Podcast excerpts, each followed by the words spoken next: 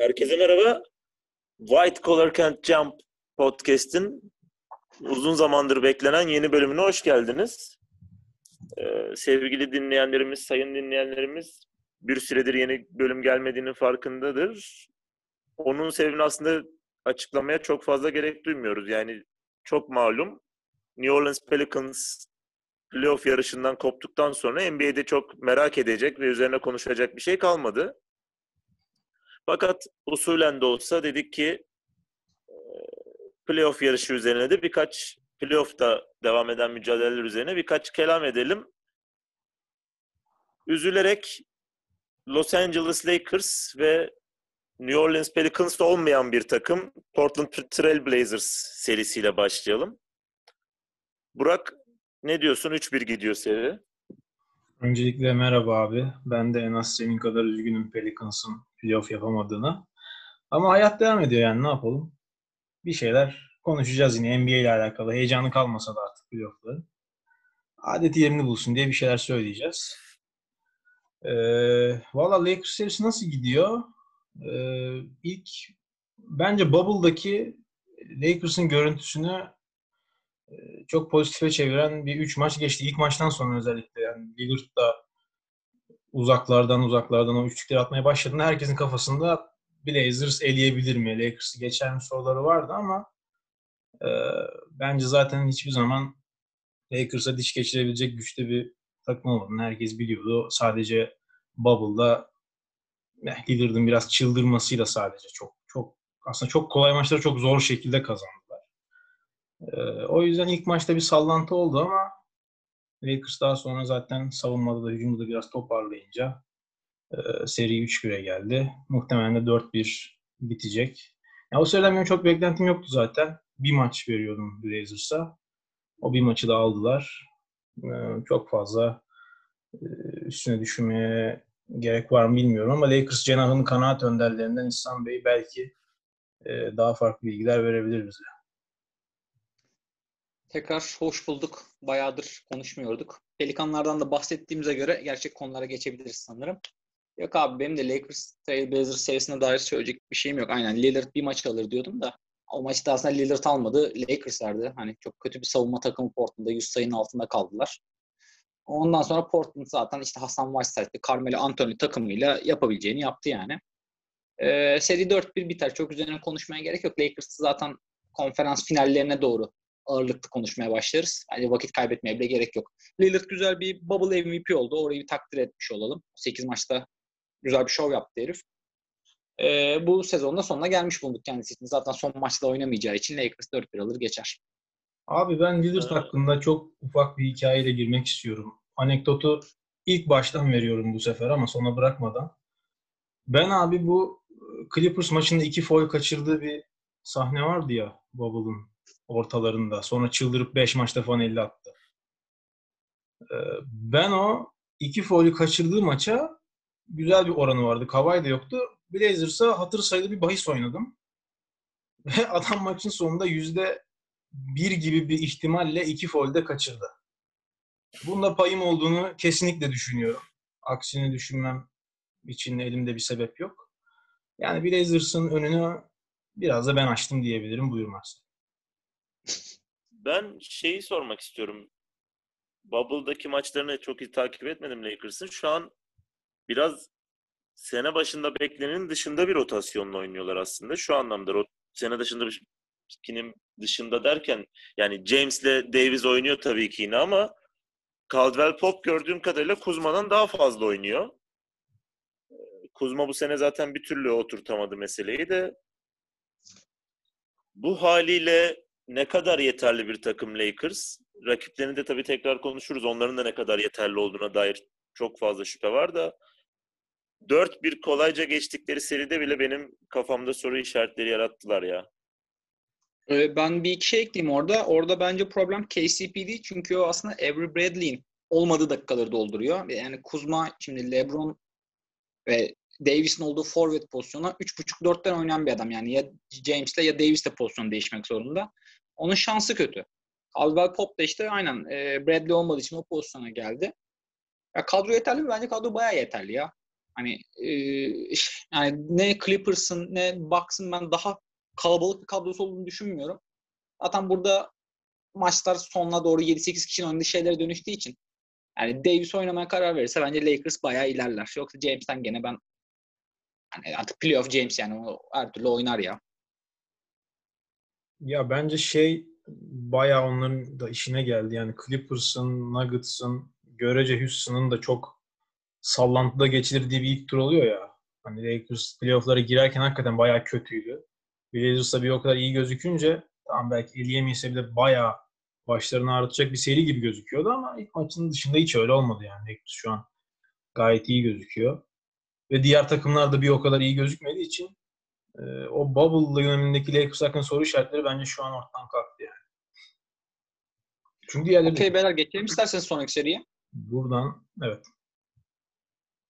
Neyi Ondan atlıyoruz? da- Clippers'a mı atlayalım? Buradan Yani abi daha keyifli bir seri olan Clippers'a geçilir bence. aynen Clippers serisinin daha çok şey söyleyebileceğimiz Clippers Dallas serisine. Bugün mü son maçları? Yok bugün 6. maç oynanıyor ama Ya son maçları derken yani işte şey maçları bugün mü pardon diyeyim? yok yok yarın yarın. Dün oynandı. 3 kere. Okey. Porzingis'ten akşam- haber yok sanırım. Bu akşam haber vereyim. Bu akşam Orlando Milwaukee serisi ile Oklahoma Houston serisi var. Milwaukee Orlando'yu konuşuyoruz. O büyük olsa sona erecektir zaten. Güzel bir 2-2'lik seri var aslında bu akşam Oklahoma Houston. Neyse biz Clippers'a geçelim. Buyur Marcel başlasan. Ben önce şeyi sorayım. Porzingis dönecek mi? Var mı bir haber? Bu Son maça son dakika. maça da dönmeyecek. Ya yine Po- o maç zamanı belli olacak sanırım. Şu an için bir şey yok. Ama MR'da öyle çok ciddi bir şey çıkmadı demişler. Ya Porzingis'te olmayınca çok beğendiğimden değil ama Dallas tamamen Doncic'in delirmesine kalan bir takım haline geliyor. O haliyle bence çok zor Clippers'ı geçmeleri. Zaten upset olur yani geçerlerse. Fakat şu ana kadar yaptıklarıyla bile işte demin konuştuğumuz şey aslında ona çıkıyor. Bir anda şampiyonluğun bence lig normal devam ederken ben şampiyonluğa Clippers'a yazıyordum. Şu an belki Rockets'ın bile arkasına yazarım yani. Ya şu an şeyin hali çok kötü. Hani George'un hali çok kötü. Ee, Beverly yok. Beverly'nin olmaması çok kötü. Çünkü eldeki bütün kısalar aynı tip yani. Ki Lou Williams bayağı iyi oynuyor. Adam 35 yaşına falan geldi ama hala bir maçta 35 sayı atabiliyor yani. İşte Shamet ve Reggie Jackson'la kalınca George da ceset gibi olunca sadece Kawhi'la olmuyor yani. Bir dün George işte ölü toprağına atar gibi oldu ki çok farklı kazandılar. Çok görece ölçü bir maç değildi bence ne Clippers için ne George'un düzelmesi için. Bir şekilde geçeceklerdir. Ben de yani Porzingis yarım yamalak, Doncic'in ayağı yarım yamalakken eleneceklerini sanmıyorum ama çok iyi ışık veriyorlar mı desek çok doğru değil. Sadece dünkü maçı bir force ederek kazandılar. Onun dışında pek bir şey sunmadılar. Ve Clippers bir oyun sunmuyor yani. Hem bir arada çok az oynadılar hem normal sezonda da ortaya bir şey koyamamışlardı. Bunun Lafı devamında... bitirmeden bir Söyle abi. Burak şeyi de açıklasan istersen. Paul George ve Seth Curry arasındaki karmaşık ilişkiler yumağının Abi yani haritasını da çıkar bir bize. Zor ama çıkartırım bu evlilik programlarındaki altyazılara benziyor biraz o hikaye. Hani o bunun kaynı, bu da bunun baldızına atladı falan. Ee, Doug Rivers'ın kızı Paul George'la e, nişanlıyken herhalde nişanlı gibi e, Paul George bunu bir striptizciyle aldatıyor. Daha sonra e, Doug Rivers'ın kızı Seth Curry ile evleniyor. Şu an Doug Rivers Clippers'ın koçu. Paul George Doug Rivers'ın oyuncusu. Seth Curry de Dallas'ta oynuyor. Karşısında böyle bir üçgen. Yani Doug Rivers'a bu mahallenin namusu yok mu diyebiliriz herhalde. Bilmiyorum ama.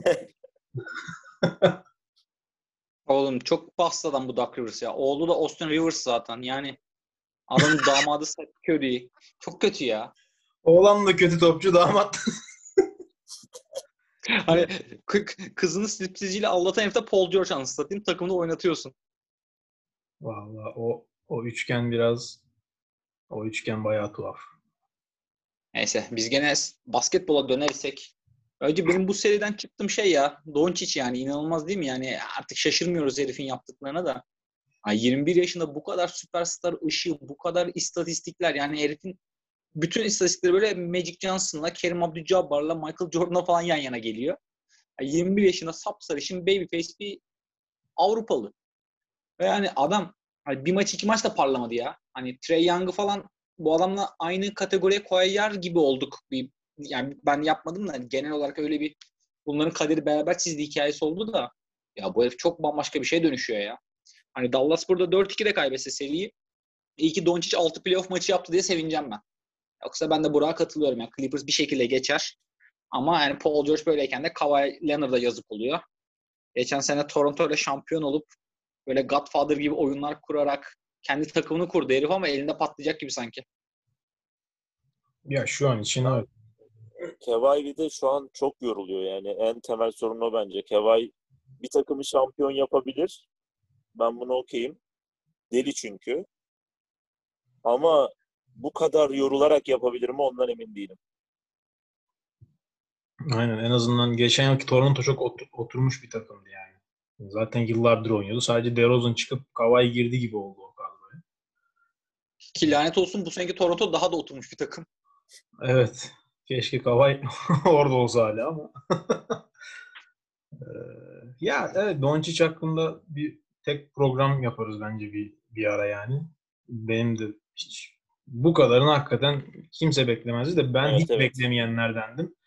Ben biraz daha böyle e, artistik olsun diye mi artık o görüşü benimsedim bilmiyorum ama ya işte Hidayet Türkoğlu'nun birazcık daha Skarroğlu'nun geliyor falan diye yorumluyordum 2017-18 yıllarında ama adam şu an 21 yaşındaki LeBron'dan bence bariz daha iyi. Değil mi? Öyle. Yani Evet. ilk yılındaki LeBron playoff oynamıyordu. Buyur abi. Şey de ilginç ya. Yani tüm bu performansına rağmen aç abi bugün dönüp draft şeyini, scout raporunu. Orada yazan weakness'ı oku. Hepsi de doğru aslında hala. Yani Evet. orada yazan işte ilk adımı yavaş. Doğru yavaş hala. İşte atletik değil, doğru değil falan ama bir hükmü kalmıyor onların yani. Ya orada belki Ricky Carlisle'ı övmek lazım. Yani adam eee, savunması iyi olmayan bir adamı tamamen reboundlara yöneltti. Adamın sürekli 15 rebound, 17 rebound maçları var ya. Hani abi sen hani tam fiziğin fena değil. Çok uzun boylu bir adam değilsin ama guardlar guard gibi oynuyorsun ya dışarıda oynuyorsan fiziğin iyi. Savunmada bütün reboundları toplayıp hücumda bütün ya basketleri atıyor ya asistleri yapıyor yani. Sahada böyle bir ağırlık.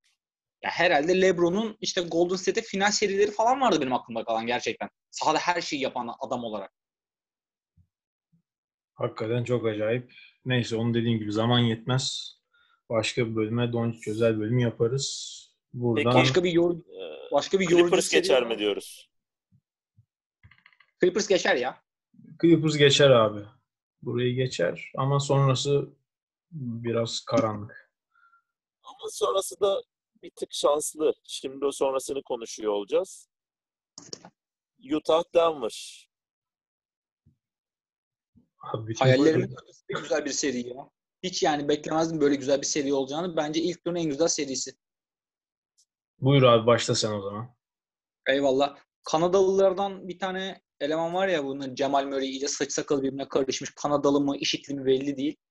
Abi o ve Donovan Mitchell'ın ben karşılıklı 50 atabileceğini hayalim ermez yani. Donovan Mitchell bence normal sezonda 50 atabilecek bir adam. Yani playofflarda böyle bir seride iki kere 50 atacak falan bir adam değil.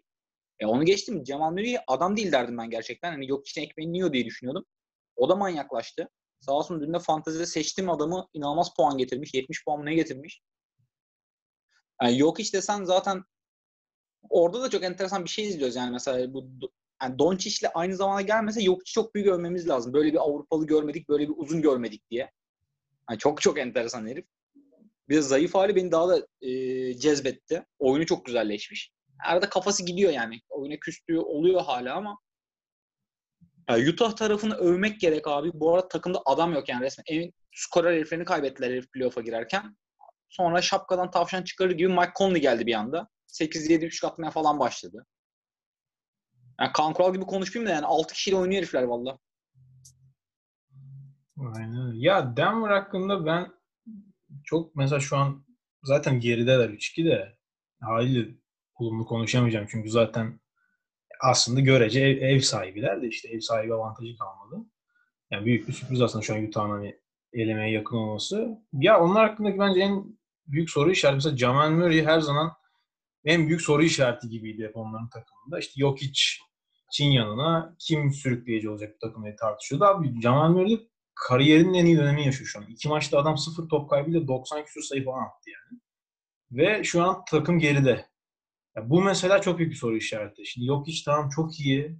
Çok özel oyuncu.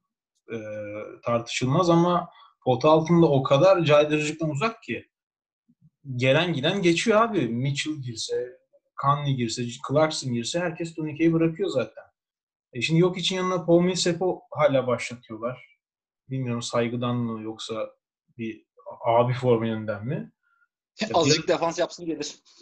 Olabilir ama şimdi manasız abi. Bu hani Paul Millsap'tan olduğu sürece bu kadro oynar ama bu Denver'da olacak pek şey değil yani ve mesela normal sezonda hep kadronun genişliğinden dem vuran, bir takım şu an kadro geniş falan değil. Gary Harris yok.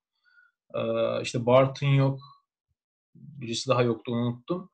Ya aslında o geniş kadro daralmaya başladı. Michael Porter Jr.'ı adapte etmeye çalışıyorlar. Yani şu an Denver'ın öyle aman aman geniş bir kadrosu yok. Torrey Craig falan ilk beş başlıyor yani.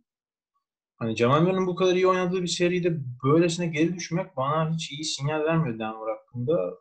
Yani seneye ben çok merak ediyorum. Bu tut ki bu seriyi 3-1'den 4-3 bence yapamayacaklar ama yapsalar bile pek pek iyi gözükmüyor onlar için. Evet. Ee, ya bence temel sıkıntı şey ya bahsettiğim mevzu mesela Millsap başlıyor evet ama yok yerine şu oynamalı diyemiyorsun işte. Ya Jeremy Grant ben. E, Will Barton yokken ya o da çok aman aman bir şey değiştirmeyecekti. Bir de şöyle bir temel sıkıntı var. Maçlarda da çok belli oluyor. Yani o kadar kötü bir eşleşmek ki aslında Utah Denver için. Yok için karşısına Gober geliyor ve hani Gober'i hep biz bir pota altı savunucusu olarak düşünüyoruz ama adam her yeri savunabiliyor. Yani yüzü dönük de alamıyorsun Gober'i karşına. Sürekli bir rahatsız edici faktör. En ters eşleşmeye girmiş oluyorsun. Ben yine de yedinci maç diyorum bu seriye. Bence de yedinci maç. Mümkün abi olabilir. Mümkün. Orada da işte basketbolun en sevmediğim kısmı devreye giriyor abi. Yani bir son şuta bakabilir o iş. Şu takım kazanır demek çok zor. Bir topun girip girmemesine bağlı olarak çok ciddi bir değişim yaşanabilir. Denver'ın önümüzdeki senesiyle ilgili benim aklıma şöyle bir teori geliyor. Bunlar savunmayı komple vazgeçip böyle Mike D'Antoni tarzı bir adam alsalar Michael Porter'ı da 4 numaraya e, ekleyebilseler inanılmaz ya 160 sayı atarlar maç başına. Ama hiç savunma yani. Jeremy Grant'ten, Paul Millsap'ten falan vazgeçtin. Sırf sayı attım. Çünkü Jamal Murray ve Michael Porter Jr. inanılmaz iki skorer yani. Çok rahat 25-25 verebilecek tipler. E bir de yok hiç var elinde zaten. Çok zevkli bir takım olabilir ama hiçbir şey de olabilir ya. Şu an bu seri beni de biraz üzdü açıkçası. Burak'a katılıyorum orada. Hani geleceğe dair umutlarımı kırdı. Şu an kendi kendime fantezi yapıyorum. Yani böyle oynasa daha mı iyi olur acaba diye. Ya zaten üzerlerinde bir hep normal sezon takımı yaftası vardı yani. Geçen yıl işte Portland'a falan elendiklerinde. Ee, ondan önceki yıl tam hatırlamıyorum kaçıncı yıllar ama hani normal sezonda çok iyi ama playoff'ta bir şey yapamıyor. Denver hakkında 2-3 senedir bu algı var ve görece doğru yerine göre. Bu yıl da mesela bunun büyük bir emsali oldu yani. Şu an tam ev sahibi deplasman şeyi olmadığı için seyircisiz çok ortaya çıkmıyor belki ama yani Utah'ın normal şartlarda önde olmaması lazım Denver karşısında bu kadar ezici bir şekilde yani. Ya şeye bakarız biz grupta ne yazmıştık biliyor musun? Ben galiba 4-1 Denver falan yazmıştım şeye. Bu seriye. Ben de Denver'a verdim 4-2 abi. Çünkü Conley de yoktu. Bogdanovic zaten yok. Hani Mitchell'la tek başına nasıl alacak dedim. Gayet aldılar yani. O zaman geçelim Houston serisine. Aynen orada güzel bir geri dönüş oldu. Yani ikinci maç sonunda Burak mı şom ağzını açmıştı hatırlamıyorum. Kesin öyledir. Oklahoma kardeşim diye. Ben abi yok ben Billy Donovan uyansın diye evrene e, sinyal yolladım. Şu Steven Adams'ı kenara al diye. Bunu böyle ifade etmedim orada gerçi de. E, ondan sonra maç döndü. Şu an seri 2-2. Çekişmeli de devam edecek gibi gözüküyor. İlk başta Rockets belki de süpürecek gibi gözükürken Ha orada tabii şey de devreye girdi. Ülkemizin basketbol alimlerinden biri Chris Paul oynamak istemiyor. Belli ki bir şey var. Sahaya çıkmak istemiyor. Buradan artık hiçbir şey olmaz tarzı bir şeyler söylemişti. Orada seri biraz döndü. Kim o ya? Kaan Kural ya. Neyse Ka- Kaan abimize sevgiler, saygılar. Abi benim en favori serim bu. Kesinlikle. Ben bu arada 4-3 Oklahoma geçer dedim bu seriye. Ee, ama ilk iki maç özellikle Billy Donovan'ı gördükten sonra ve Thunder'ı ba- bana da yani 4-0'a gidiyordu. Hatta 3. maçta zar zor Oklahoma'ya gitti yani uzatmada falan. Son alsa şu an seri çoktan bitmişti. Ya Houston cephesinde bir sürpriz yok. Zaten Westbrook da yok. Aynı oynuyorlar işte. 58 tane falan üçlük deniyorlar maç başına. Yani beklenen bir şey zaten. Onlar adına herhangi bir sürpriz yok ama Oklahoma'nın ilk iki maçı bence çok hakikaten faciaydı. İlk maç zaten hiç içine giremediler. Direkt 20 oldu. İkinci maçta çok fazla yaklaşamadılar. Ee, Üçüncü maçta Steven Adams sakatlanınca Bill Dunham'ın Bill Steven Adams'ı kenara almayı tabii haliyle düşündü. Ondan sonra seri dönmeye başladı. Geçen maçta, dördüncü maçta yani ikinci yarının başında 8 tane üçlük attı Houston. Arka arkaya 8'de 8 attı ve adam Adams'ı kenara alıp kısalmayı 8. üçlük- üçlükten sonra düşündü. Ya bu hakikaten çok acayip geliyor bana. Ee, inşallah bu iki maçtan biraz ders almıştır. Yani Adams'ın hakikaten hiç işinin olmadığı bir seri. Kesinlikle. Ee, mümkün mertebe hani Schroeder, Paul ve Alexander'ı kısa yapıp Gallinari ya da Noel'i 5 5 oynatmak zorunda. Ki Dort şeyi de Dort'u da Harden'ın başına veriyor zaten. Yani kısa oynadığı sürece Oklahoma'nın bence şansı var çünkü daha fazla alternatifi var bence. Ama yani Houston'da yine Harden'ın delirmesine ve Westbrook döndüğünde neler yapacağına bağlı olarak. Geçebilir ama bence 7. maç kesin bu seride. Biraz öyle Westbrook- gözüküyor evet. Ya 7. maç kesin demek şundan dolayı biraz zor oluyor bence. Ee, ev sahibi deplasman taraftar olsa yani 7. maç kesin derdim bence ama Doğru. Doğru. o olmayınca şey fark olmuyor yani. 5. maçla 6. maçın bir avantaj farkı olmadığı için iki takım için Evet. o yüzde yüzde 50 50'ler iki aynı anda iki tarafa bir tarafa kayabilir yani. O yüzden 4-2 de olabilir. Mümkün olabilir. Ya bu seriyle ilgili ben ne söylesem gerçekten bilmiyorum. Westbrook'un döneceği ihtimali var. Hala şu an questionable'mış 5. maç için. Hani Westbrook dönerse ben kesin Houston derim buna. Çünkü en son bıraktığımız yerde o atletizmden bağımsız bir şekilde Harden'la çok doğru bir uyumu vardı. Yani takım için doğru bir uyuma sahipti. Ee, onun dışında e, Burak'ın dediği gene doğru. İlk iki maçtaki Oklahoma çok alakasız. Yani sene boyu bizi pozitif şaşırtan takım bu sefer full negatif şaşırtmıştı. Ee, ya Adams'la zaten olmayacağı da belli. Yani Houston'da oynamak istiyorsan ya dominant bir uzun olması gerek ya da uzun olmaması gerek. Yani az iş yapan uzun çok kötü bir şey Houston'la eşleşmek için. Ee, tahmin vereyim. 4-3 Rockets. Kardeşim yol yarılanın tabii tahmini vermek kolay. Ne Ama yapsın ne kardeşim ya? bu saatten sonra 4-1 mi desin adam? Yani ne ortasına zaten? kadar geldik zaten. Tahmin veriyoruz. 2-1 biter. Ya ama aşağı yukarı herkes zaten 6-7 maçı öngörüyordu yani. Bu seri 4 1-4-2 biten diyen ben hiç görmedim. Ya 4-2'si de önemli değil. Burada Rockets mı Thunder aslında? Tercih o yani. Ben Rockets aynen, diyorum. evet evet. Rockets'ın Thunder'a Evet. Ben ben Thunder'a verdim. Hala da deneyebileceklerini düşünüyorum bakalım. Eğer Billy abimiz Burada- birazcık daha cesur olursa. Sakallı kardeşimiz James Harden bu arada bugün 31. yaş günü. Buradan da Harden severlere selam ve sevgiyle, hürmetle ve duayla. 31 olmuş mu ya? Olmuş ya yaşlanıyor herifler abi. Evet, 2009. Ben de o kritik maç geldiğinde Rockets'ın kazanacağı kanaatindeyim. Yani dördüncü maçı dördüncü maçı kaybetmez. Dört o kritik Yok maçı 5. maçı diyorsun sen. yok şöyle yani. Oklahoma'ya dördüncü maçı bir şekilde vermez Rockets yani. Onu demek istiyorum. 3-2 geriye de düşse o son maçı alıp götüremez Thunder bence. Ha anladım şimdi abi. Ya şey göreceğiz gibi. Ben bu arada şey- büyük James Harden mı? Öyle bir son periyot göreceğiz sanki. Ee, Adams konusunda bu kadar e, katı değilim. Şundan katı değilim. Bir, Adams'ı severim biraz belki o yüzden. E, bir de şey de var ya şunu anlayabiliyorum en azından. Karşında çok farklı ve tek yönlü demek doğru değil de demek istediğimi anladınız muhtemelen. Bir yere eğilen bir takım var. O eğildikleri yer bir zayıf nokta çıkarıyor sana. Ya insan ister istemez orayı bir exploit etmek ister. Yani abi sen bu kadar kısa oynuyorsan ben de elimdeki uzun adamı sürekli tutarım demek ister yani. O çok şaşırtıcı gelmiyor bana. Ya değil ama işe yaramıyor.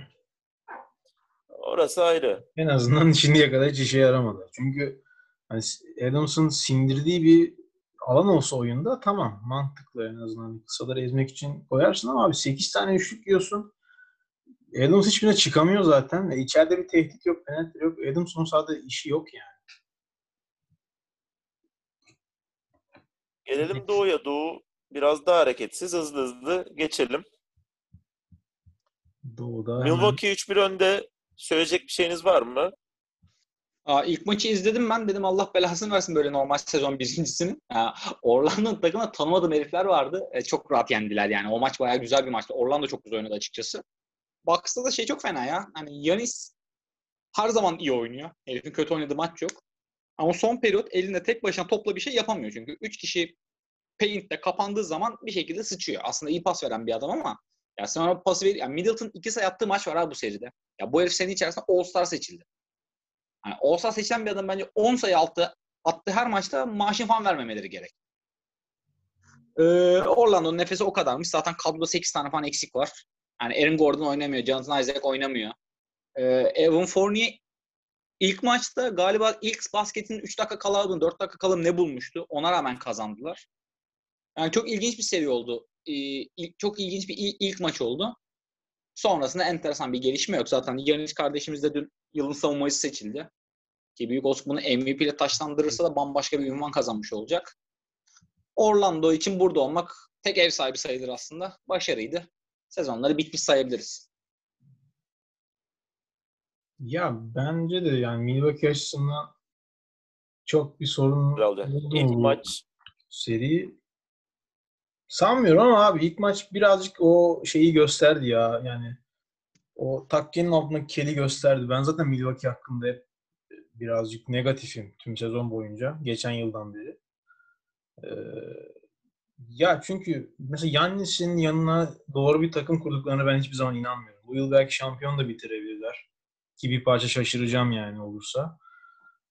Yani yok mesela Chris Middleton'dan o rolü beklemek bence manasız. Yani Shaq'ın yanındaki Kobe Bryant rolü o adama uymuyor. Çünkü öyle bir adam değil.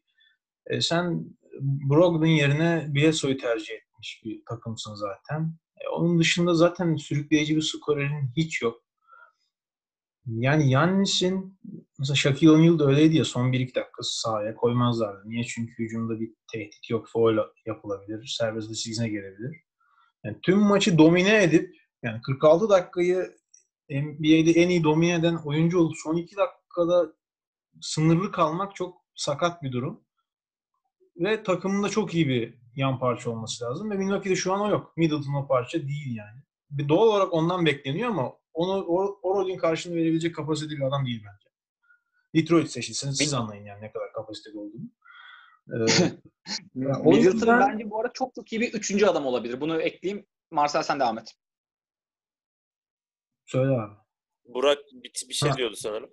Ya ya bu seri geçilecek elbette. O yüzden. Orlando'ya Milwaukee'nin ya forması yeter zaten de ama ilerleyen turlarda hani bir Toronto eşleşmesinde ola ki final olursa bir Lakers, bir Clippers eşleşmesinde e, ben o kadar şey gözle bakmıyorum. Hani bahislerin favori gösterdiği kadar favori görmüyorum Milwaukee'yi. Çünkü e, o defolara hiç çare aramadılar bir sene boyunca ve hala aynı yani cepten yiyorlar gibi geliyor bana. Buyur abi.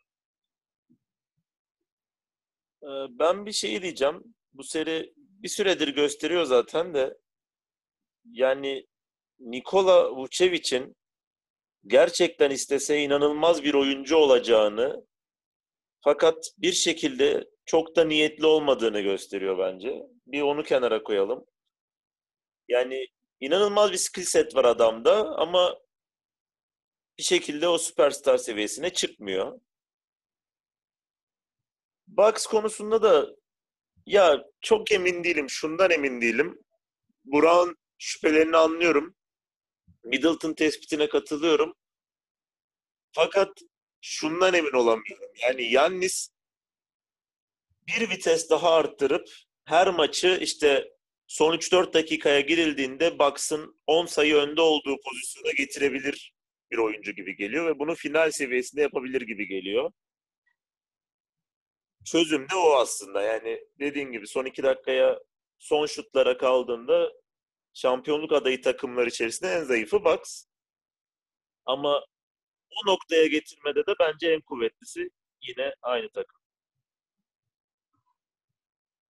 Bir sonraki tura Geçiyorum o Son zaman. tura göz kırpmak gibi olacak. Belki de isterseniz Toronto'dan sonra konuşalım da ben Bucks'ın finale gideceğini düşünmüyorum doğudan. Oo, çok iddialı. Oo. Dur onu sonra konuşuruz abi. Direkt devam edelim. Raptors kolayca Nets'i geçti. Nets bir rüya gördü bu bubble'da. Kötü anlamda demiyorum. Alakasız adamlarla güzel maçlar çıkardılar. NBA Daily Fantasy oynayanlar için güzel bir maceraydı bence bu seri. Başka bir anlam yok. Takımda şey vardı galiba değil mi? Normal kadron. Caris LeVert, Joe Harris, e, Jarrett Allen, Garrett Temple. Evet. Yani kalan kimse yok galiba. Hani zaten Evet. Kyrie Irving'le Kevin Durant olmanı biliyoruz. DeAndre Evet. Jordan, Spencer. Dinwiddie yok.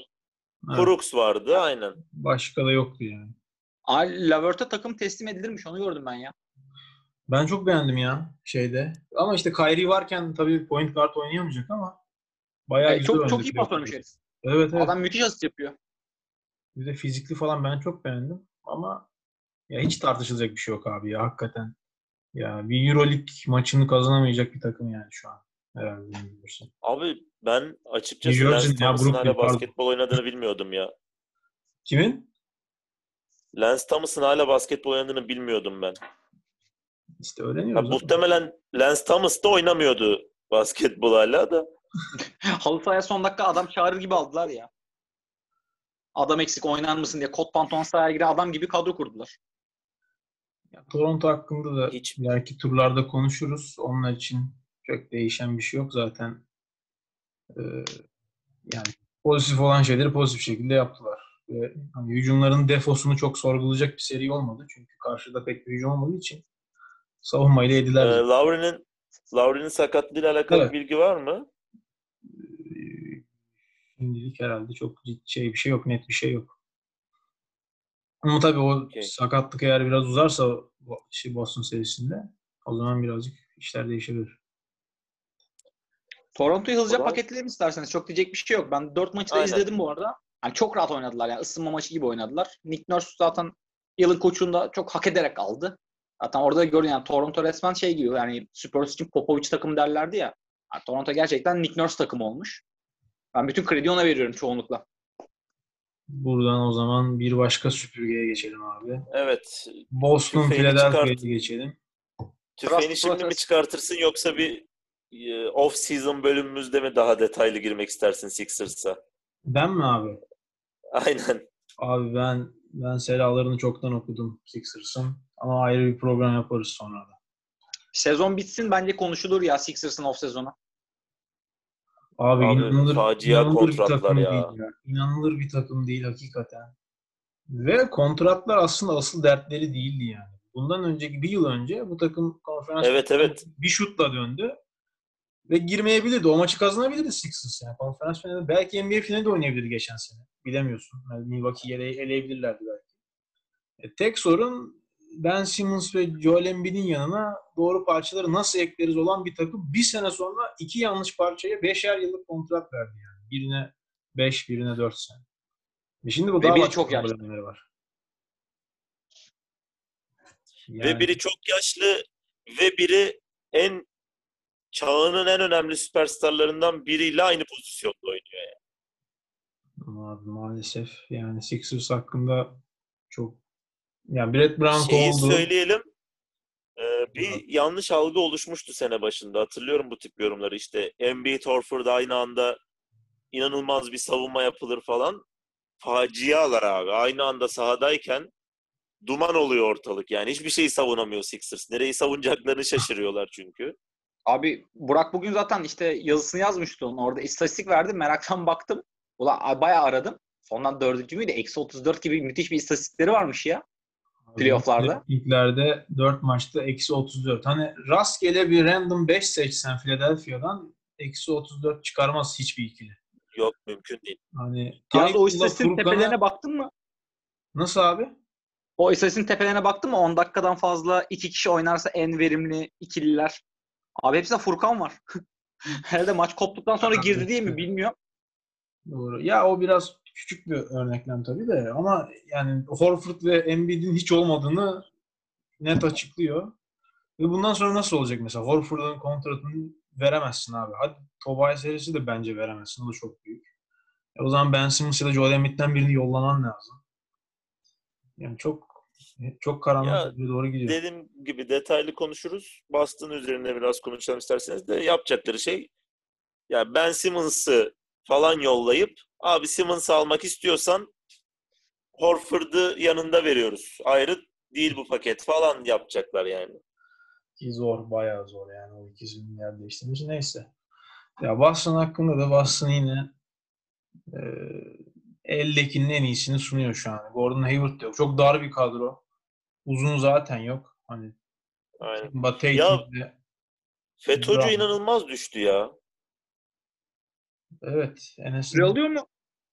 Alıyor Yalandan 5-10 dakika ama bir şey de koymuyor. Eskiden en azından derdin ki yani 10 dakikada olsa 20 dakikada olsa koyarım sahaya. İşte 2-3 hücum reboundu alır. Bir 8-10 sayı %70 ile bana katkı sağlar derdin. Hiçbir şey yapmıyor artık adam ya. o da bir isyan etmiş zaten Twitter'dan. Göremiyorum ailenin beslendi diye de. Neyse o konulara girmeyeyim. Aman Abi, abi bu da- E, isim her verme program Süpermen. söyleyip Her program giriyoruz. Amerikan medyası büyük yanında onun ya o yüzden. Aynen aynen. Bayağı çok farklı bir dair bir tek şeyi eklemek istiyorum. Sene başında yani çok net hatırlayamıyorum.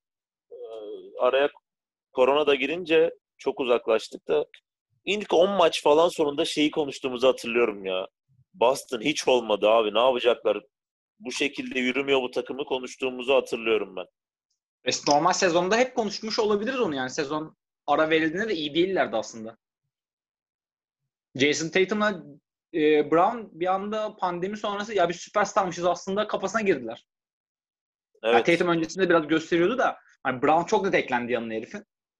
Ee, Kemba'yla Gordon Hayward şey yani en çok kontrat alan ama 5 maçtan bir tanesi 30 sayı atan adamlara dönüştüler. Yani Kemba'nın 5 bence- sayı attığı maç var. Hayward'ın atmadığı maç var. Bence ikisi de çok gereksiz şu an bu takımda. Yani o ikisi karşılığında hiçbir şey olmadan ayrılsalar önü müthiş açık bir takıma dönüşecek Boston. Evet. O zaman isterseniz süremiz bitmeden diğer seriye de zıplayalım. Yoksa program üstümüze kapanacak. Okey. Rejiden uyarılar geliyor. Abi Pacers zaten koçunu da kovdu. Yani Miami 4-0 abi. favoriydi. Miami Heat 4-0 zaten favoriydi de oluru da bu değildi bu serinin ya. Biraz da bir şey oynarsın yani ya. Hiç yaklaşamadılar bile. Yani Toronto Brooklyn serisine yakın bir seri oldu abi. O kadar. Abi ters gelmede ters gelme dediğimiz zaman hani hani Utah Denver'a ters geliyoruz dedik ya o yüzden kafa kafa gidiyor. Ya ters gelme tilla budur yani. yani Butler zaten adamın en iyi Warren'ı durdurdu. Oladipo zaten gelmemiş. Yani durumdan haberdar yok. Sabonis yoktu falan filan derken Indiana bir anda hani Brooklyn'le Orlando en azından mücadele etti dedim ben kafamda. Yani 4-0 yenilse de bir o oyunlarını oynadılar. Indiana ederin çok altında oynadı. Yani panzehir gibiydi Miami onlara. Aynen öyle oldu evet biraz. Pacers da zor bir takım ya. Yani geleceği şu olur bu olur demem çok zor. Şimdi birdenbire TJ Warren da çıktı ama bu senenin başında süperstar mertebesine çıktığı gözüken Oladipo artık ne olacak belli değil falan. Ellerinde Miles Turner gibi bir yani ulan iyi oyuncu mu kötü oyuncu mu bir türlü konu söyleyemediğin bir adam var. Yani çok yorumlaması zor bir oyuncu Miles Turner. Zor bir takım. Abi Miles Turner'ı şu an 2K'de falan yaratırsın anca o kadar oyunu. Değil mi? Puanın yetmez abi. Bloğa basarsın şeyi. Abi evet Ee, ya yani hani o kadar abuk bir yetenek dağılımını ancak iki Blok kadar ve üçle- falan yaparsın ya. Basarsın puanları. Kalanına puanın yetmez. Abuk bir oyuncu olur yani. Abi cidden cidden sene başında sene başında fantezide de acayip yukarılardan gitti ya blok ve 3 sayı veriyor diye. Kimse Sabonis'e şey vermiyordu herhalde yedek olur falan diyorlardı. Herif All-Star oldu. Can. Yani biz mi tahmin yapamıyoruz? NBA eskiden bu kadar sürpriz mi çıkarmıyordu? Bilemedim. Sabonis'in yokluğu da tabii epey etkili onlara ama asıl kritik şey tabii Oladipo'nun yani bu, bu haldeki Oladipo yani Yok yok. Yok. çekilecek dert değil. Yani Brogdon şu an çok daha iyi Oladipo'dan. Öyle söyleyeyim. Yani McMillan da kovuldu zaten. Onlar için ne olur artık bilinmez ama yani Miami Milwaukee serisi evet artık doğuda bir parça daha playoff'ların başladığına işaret yani. Aynen. Ne olur ne biter artık onu sonra konuşuruz ama e, Yannis'i ufak ufak sindirme hamleleri gelecek artık yani. İyi bir test olacak ya mesela bence. Yani Heat testine geçerse şey demem ben. Finalde görelim orada da ezer geçer tahmininde bulunurum muhtemelen. Bakalım göreceğiz abi. O zaman bu O 8 seriyi ortadan yorumladığımız 8 seriyi kapatabiliriz herhalde. Ben bir Esport'a teslimlerimi belirtmek istiyorum abi. Bu maçları tabii baştan belirliyorlar. Daha çok böyle olacağı belli değil. Abi bugün 3 maç var. Orlando, Milwaukee, Thunder, Rockets, Portland, Lakers. Milwaukee ve Lakers maçını yayınlıyorlar ya. O tek ilgi çeken Thunder, Rockets maçı sanırım NBA TV'de yayınlanacak. Bende de yok o. Teşekkür ederiz şey- bu karamsar kapanış için. Thunder maçını da Esport veriyor ya galiba. Yok şimdi mi demin baktım ya. Hmm. O zaman Esport'ta yok. Bu arada şey çok günahlarını almayalım. Gerçi bu özel kanal da belli maçlardan seçebiliyor olabilirler abi. Yayın saatine göre de göz önünde olarak. Çünkü NBA. TV'de o vardı. Hani NBA TV çok kötü maçları yayınlıyor genelde playofflarda ve normal sezonda. Ama o Avrupa'daki yayıncı kuruluşun sunduğu maçlar kıs- kısıtlı oluyor. Olabilir. Biz- abimize buradan Son kullanıcı yorumcusuyuz. Son kullanıcı olarak fikrimizi belirtebiliyoruz. Yoksa şeyi bilmiyoruz yani Esport NBA'ye TL üzerinden mi ödeme yapayım dedi. Yayın hakkında 8 milyar %30 istedim. 8 milyar YTL üstünden mi ödeme yaptı bilmiyoruz. O konulara hakim değiliz. Kur 3 milyon. Kur oldu 6 milyon. Kim verecek aradaki farkı Göksel'de? Buradan. Neyse. O zaman Büyük Başkan'ı analım. Büyük Her zaman olarak konuk olarak bekliyoruz. bekliyoruz her zaman. Her zaman yayına bağlanabilir. Her zaman cevap hakkı doğuyor kendisi. Evet, bu derece geyiğe sardığımıza göre kapanış vakti geldi. Kapatalım. Hadi görüşmek Anekdot üzere. var mı paylaşacağınız ya? Ben en başında paylaştım ama. Ne yapacağız? Anekdot var mı diyor. Anekdot. Bende bir şey yok ya. Programın anekdot bölümünde o zaman Bozcaada'da neden Migros olmadığını birileri lütfen araştırsın diyeyim ben kapatayım. Abi Bozcaada'ya market açılmalı. Kesinlikle. Ya ada ya orası. Ada. Ben o adada terlik bulamadım ya. Bu nasıl bir çiledir kardeşim? Neyle, neyle gezdin peki? Ne yaptın? Bir şey diyeceğim, bu ayakkabıyla gezdim ya. Orada istemediğin kadar askeri teçhizat satan yer var. Gidip askerli terliği alabilirdin orada. Bak onu da görmedim. Şu an düşünüyorum hiç asker malzemesi satan bir yer de yoktu. Çökmüş olabilirler oralara. Allah Allah.